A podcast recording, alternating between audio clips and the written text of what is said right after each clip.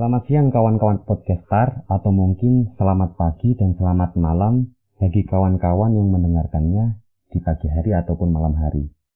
Siang hari ini enaknya makan kue basah apalagi sambil bernyanyi dan bermain gitar. Berjumpa lagi dengan saya Bagas Abdillah dalam podcast baru bernama Podcaster. Podcast sehat tanpa asap rokok.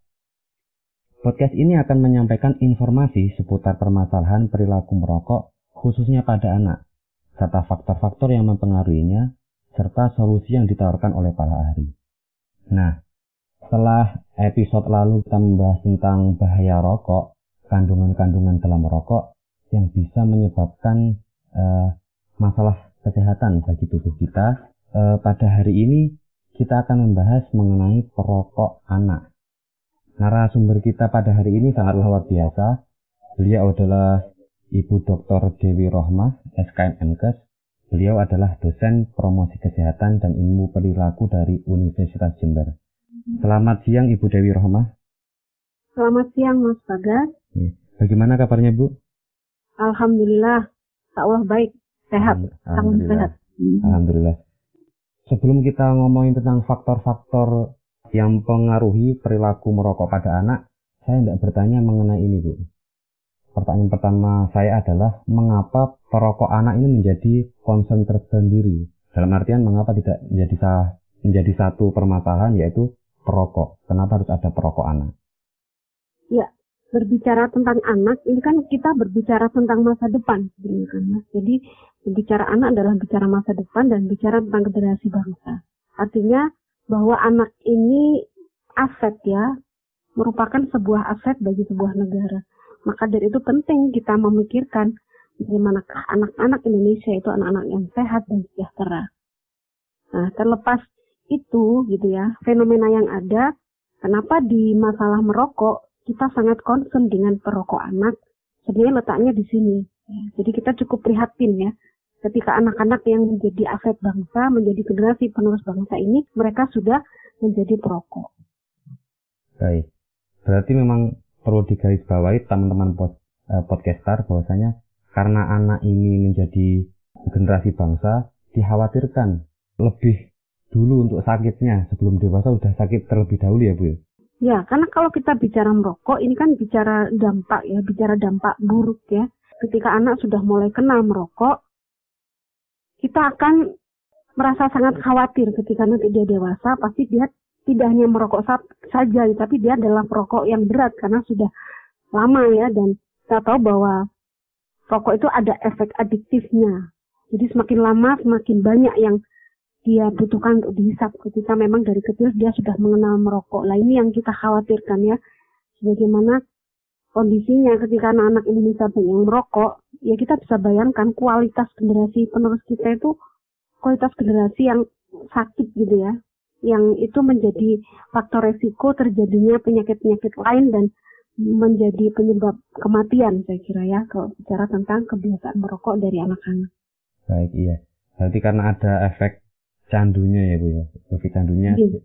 dan dikhawatirkan di masa depan juga akan menimbulkan masalah serius bagi hmm. kesehatan. Hmm. Apalagi anak ini kan masih uh, apa istilahnya, fisiknya belum sekuat orang dewasa ya Bu ya belum dan masih panjang ya perjalanan mas ya.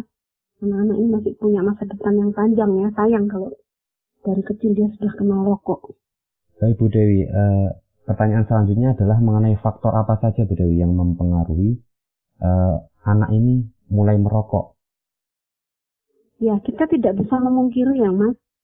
Uh, banyaknya promosi-promosi iklan rokok yang tidak ada batasannya gitu ya ketika kita bicara di televisi mungkin ada ada batasan waktu ya di atas jam setengah sepuluh malam. Tapi ketika kita lihat di dunia non layar kaca ya di kehidupan keseharian kita gitu ya, anak-anak itu sangat mudah sekali terpapar oleh iklan ya, oleh promosi rokok ya.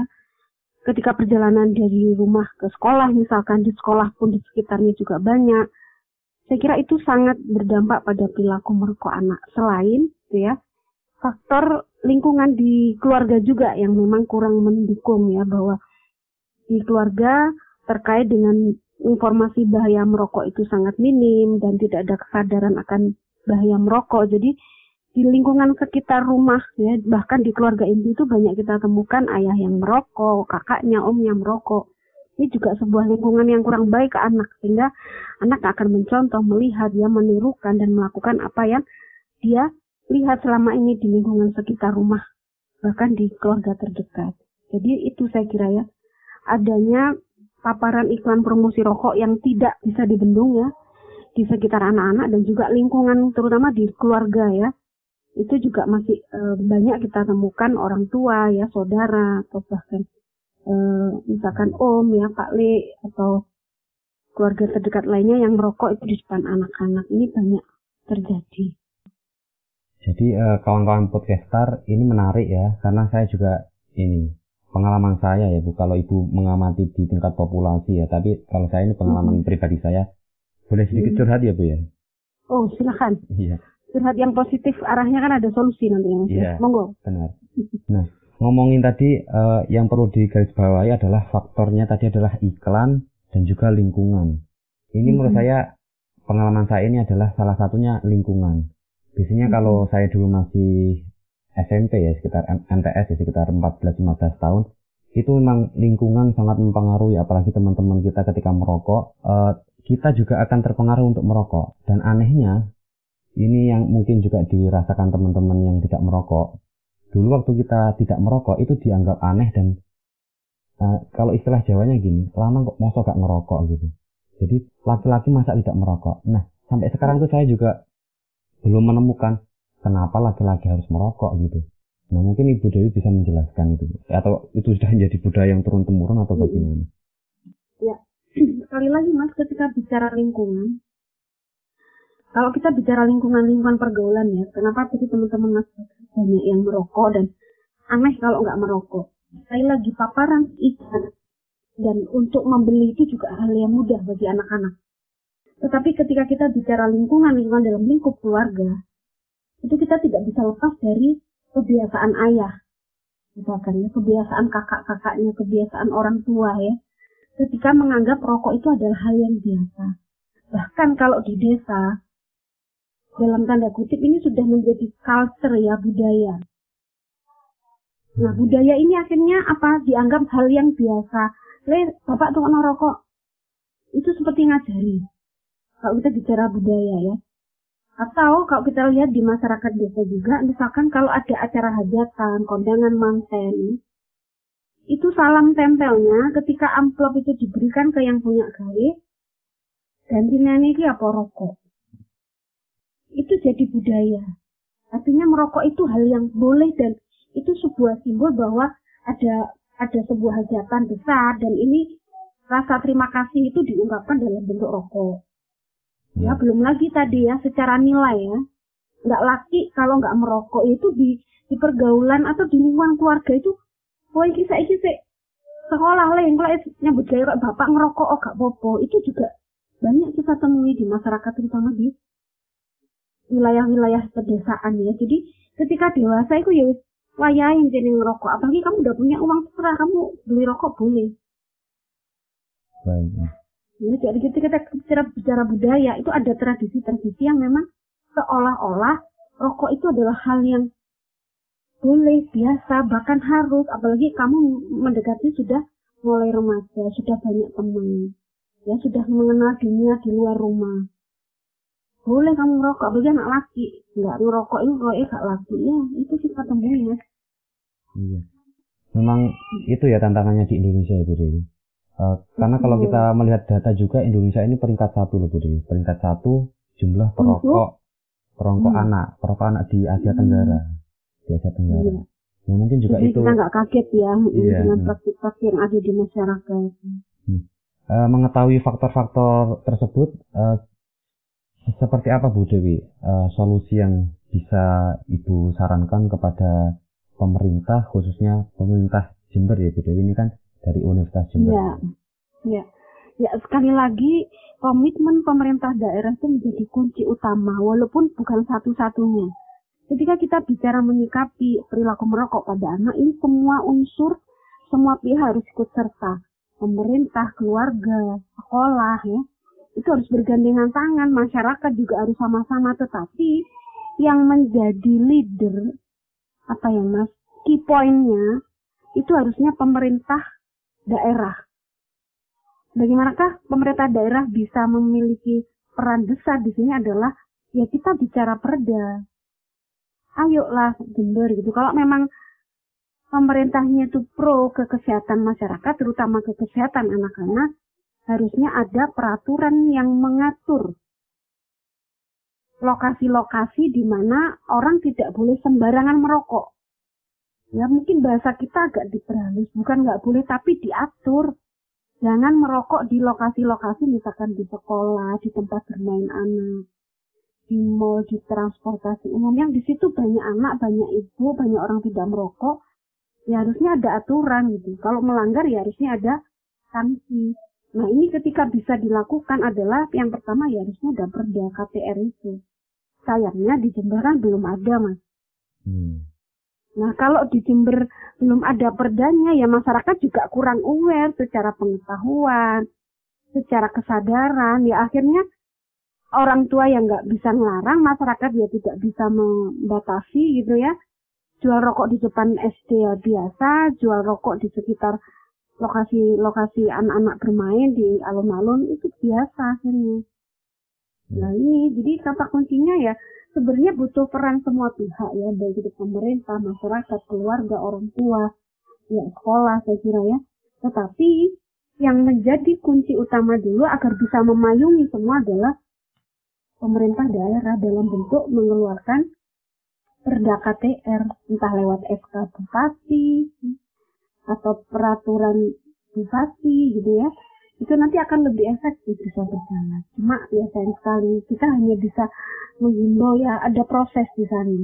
Jadi Jember saat ini masih belum. Hmm.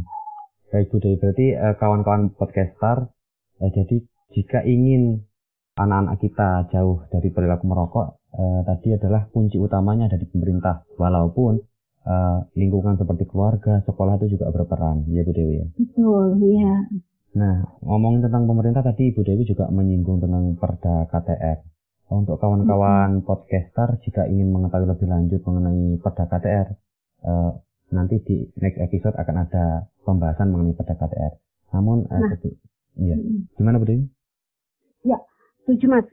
Ini perlu juga ya suara-suara dari kaum muda gitu ya, yeah. supaya nanti pemerintah terutama nanti juga di Jember, Mas Bagas Titis gitu ya, yeah. mewakili teman-teman muda ada ungkapkan kekhawatiran ketakutan akan kualitas generasi kita karena rokok supaya nanti pemerintah segera yeah. membuat perda itu. Benar benar Bu Dewi. Uh, ini Bu Dewi, uh, mengingat Jember ini kan memang belum ya dibandingkan ada beberapa kota yang di Jawa Timur khususnya sudah mensahkan mm -hmm. perda KTR atau kawasan tanpa rokok dan Jember ini belum. Uh, sebagai keluarga untuk melindungi anak-anak kita atau adik-adik kita itu apa hmm. yang perlu dilakukan tipsnya dari Bu Dewi untuk masyarakat pendengar podcaster ini untuk bisa menjaga adik-adik kita, anak-anak kita dari perilaku hmm. merokok ini? Ya setidaknya kita berangkat dari diri kita dan keluarga ya mas, karena kita juga bagian dari pelaku kesehatan ya, kita adalah bagian dari uh, ahli kesehatan masyarakat. Artinya pemahaman akan bahaya merokok, kemudian bagaimana kita menyadarkan anak-anak bahwa itu tidak tidak baik untuk kesehatan dan merugikan orang lain, itu kita tanamkan minimal di keluarga kita dulu. Karena saya juga punya anak laki, mereka juga sekolah SMA ya, itu kan sangat luar biasa pengaruh pergaulannya. Ini kita bilangi dan supaya ini menjadi contoh buat teman-teman yang lainnya juga. Artinya apa? Bukan berarti kita tidak bisa berperan ya, sekecil apa pun posisi kita. Misalkan sebagai ibu, sebagai bagian dari sebuah keluarga, kita bisa berperan kok untuk bisa mencegah uh, kebiasaan atau perilaku merokok pada anak. Itu tadi minimal kita melindungi keluarga kita dan anak kita dulu. Hmm. Setidaknya itu bisa menjadi contoh tetangga kita ya atau temannya anak kita, masyarakat yang lain bahwa memahamkan mereka bahwa merokok itu tidak ada faedahnya, sangat merugikan kesehatan. Itu sangat bisa kita lakukan minimal dengan kita di keluarga ya dengan anak-anak kita ya dengan suami kita itu kita berikan pemahaman dan contoh ya supaya tidak di, diikuti oleh yang lain gitu ya, tidak menjadi tidak menjadi contoh gitu ya. Artinya dari kita juga memberikan pemahaman, anak kita juga dikasih pemahaman dan tolong anak-anak kita juga bisa memberitahukan ke yang lain ya. Menjaga pergaulannya, menghindari orang-orang yang uh, punya kebiasaan merokok itu dan memahami bahayanya itu saya kira sangat mungkin dan bisa dilakukan oleh siapa pun dan siapa pun bisa berperan untuk ikut andil ya mencegah uh, kebiasaan atau perilaku merokok pada anak. Iya, saya setuju sekali Bu Dewi. Jadi uh, sesuai yang tadi Bu Dewi jelaskan di awal bahwasanya karena sudah menjadi budaya dengan uh, dengan kita mengingatkan keluarga-keluarga terdekat, berarti secara mm-hmm. tidak langsung kita sudah memotong rantai budaya yang dianggap tidak masuk akal ya. Jadi laki-laki mm-hmm. harus merokok tadi. Mm-hmm. Nah, uh, itu uh, saya juga akan menyampaikan pengalaman saya bu waktu kuliah mm -hmm. tugas kuliah mm -hmm. waktu itu 2018 waktu saya mensurvei mensurvei uh, anak-anak SMK salah satu SMK di Kabupaten Jember itu saya mm -hmm.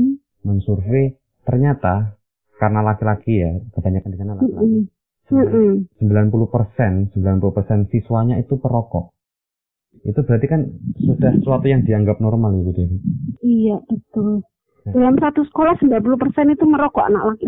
Iya.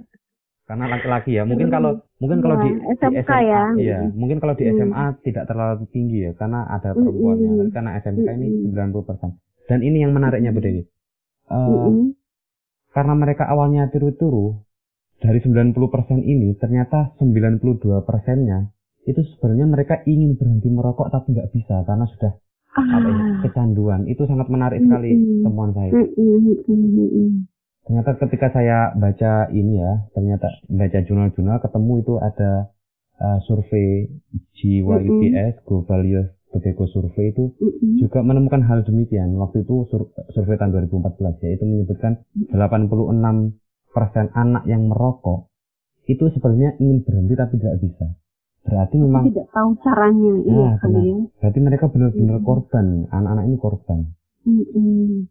Nah, Bu Dewi, uh, mungkin solusi bagi kawan-kawan hmm. yang sudah terlanjur merokok atau mungkin kawan-kawan yang belum merokok agar tidak merokok bagaimana Bu Dewi? Hmm. Ya, setidaknya gini memang Mas. Fenomena itu menjadi sebuah tamparan ya. Autokritik juga bagi kita ya, orang tua, jadi orang tua juga ya pemerintah juga. Halo gitu ya. Ternyata anak-anak kita itu sebenarnya punya niatan yang baik ya. Ada keinginan untuk berhenti tapi tidak tahu harus bagaimana dan tidak ada sarana ke sana. Dalam tanda kutip klinik berhenti merokok itu nggak ada hampir tidak ditemukan. Hmm.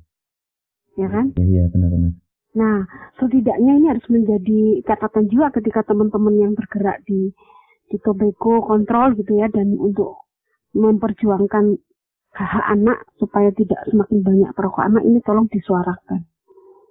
Iya, iya benar-benar. Ya kan? Tetapi kalau saya secara pribadi tadi ditanyakan bagaimanakah ketika anak kita sudah cenderung atau sudah merokok lama dan akhirnya mohon maaf ya dalam tanda kutip sudah kecanduan apa yang bisa dilakukan?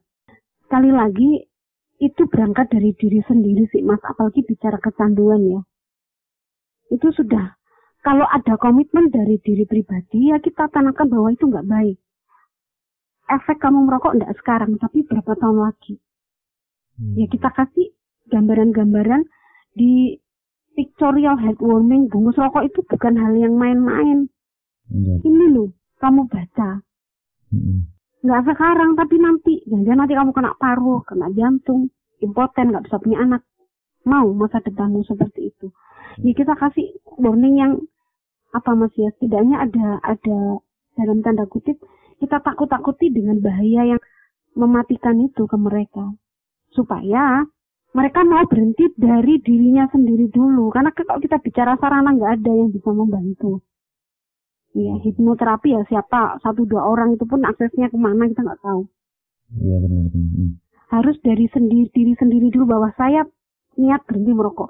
Karena di awal-awal pengalaman ketika kita ikut uh, beberapa pertemuan dengan teman-teman penggiat ya untuk perokok anak ini mas, pengalaman berhenti upaya mereka untuk berhenti itu luar biasa ternyata ya dari mereka yang biasa merokok terus mencoba mengurangi. Itu kan ada efek-efek gregesnya berapa hari pusing sampai segitunya. Karena ediknya tuh sudah sampai ke otak dan menghilangkan efek-efek itu kan ada ada istilah ya. Dia nanti akan ngerasa nggak enak banget ya. Hmm. mengeluarkan ediksinya itu. Yaitu kalau kita ayo gitu berhenti. Walaupun nanti tidak enak tapi setelah itu luar biasa. Testimoni beberapa teman yang kita undang ya ketika ada pertemuan di Kopya juga saya kira ya. Ya setelah berhasil melewati masa-masa sulit itu tapi akhirnya dia lebih sehat lebih segar lebih positif gitu ya menyikapi hidup benar. ya mau tidak mau itu mas. Artinya dari diri sendiri dulu harus ada kemauan dan komitmen yang kuat bahwa saya mau berhenti merokok. Bukan hal yang mudah. Yang merasa sakit secara fisik dan nanti mungkin dia akan dikucilkan oleh temannya dia harus menarik diri dari pergaulan yang selama ini ya. Banyak teman yang merokok ya mau tidak mau harus bisa keluar dari lingkaran pergaulan itu. Itu kan dari diri sendiri dulu siap nggak gitu kan? Iya benar. Mungkin Mas Bagas pernah merasakan ya dulu. Iya, mungkin gitu ya dulu pernah sebelum masuk FKM loh temennya SMA kan gaya-gaya nih tapi ketika kita berusaha untuk berhenti kan bisa cuma menarik diri dari tadi ya lingkungan yang selama ini mungkin nyaman gaul enak itu mau tidak mau ditarik kan kita iya, benar. dan ada efek secara fisik yang tidak enak dulu ya di jalan itu hmm. hmm. cuma kan efek jangka panjangnya kan lebih baik ketika sudah kita berhasil berhenti kan iya, benar. secara kesehatan ya secara dampak positif jangka panjang kan jadi itu kawan-kawan podcaster ya hmm. uh, jadi kadang ini ya Bu, organisasi pengendalian tembakau ya itu dianggap melawan ini ya, melawan petani tembakau. Padahal kita tahu fakta seperti itu, bahwasanya orang yang sudah merokok itu sebenarnya ingin berhenti merokok, tapi hmm. kesulitan untuk berhenti merokok. Jadi kawan-kawan podcaster agar tidak terjerumus ke dalam hal kecanduan rokok, makanya kita mengingatkan untuk kawan-kawan yang yang belum merokok ya jangan pernah merokok karena nanti efeknya jangan pernah mencoba jangan ya, pernah mencoba ya pernah. benar iya. yang sudah merokok ayo berusaha mau ya, harus untuk berhenti gitu ya Ya, jadi kawan-kawan podcaster tadi dari informasi yang disampaikan oleh Ibu Dewi dapat disimpulkan bahwasanya eh, faktor-faktor yang mempengaruhi anak merokok itu ada iklan dan lingkungan, khususnya lingkungan keluarga.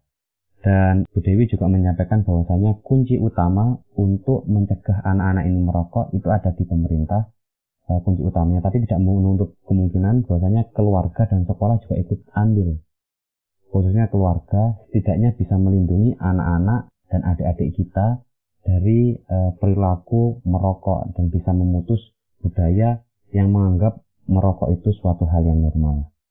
Terima kasih banyak Ibu Dewi atas ilmunya. Semoga hmm. kita dan keluarga selalu diberikan kesehatan. Dan Amin. semoga anak-anak dan adik-adik kita terhindar dari efek buruk asap rokok dan yang Amin. sudah terlanjur bisa berhenti merokok. Amin. Nah, yep. untuk kawan-kawan podcaster yang sudah terlanjur merokok dan ingin berhenti merokok tapi belum bisa, Kementerian Kesehatan Republik Indonesia menyediakan quitline berhenti merokok. Nah, kawan-kawan bisa menghubungi quitline di nomor 0800 177 6565. Nah, itu tadi uh, informasi yang sangat bermanfaat dari Ibu Dewi Rohmah selaku dosen dari promosi kesehatan dan ilmu perilaku Universitas Jember. Terima kasih kawan-kawan, terima kasih juga Ibu Dewi. Iya, sama-sama Mas. Semangat ya Mas Bagas dan teman-teman ya. Jangan lupa dengerin terus episode-episode lain dari Podcaster podcast sehat tanpa asap rokok. Saya Bagas Abdillah, sekian dan selamat.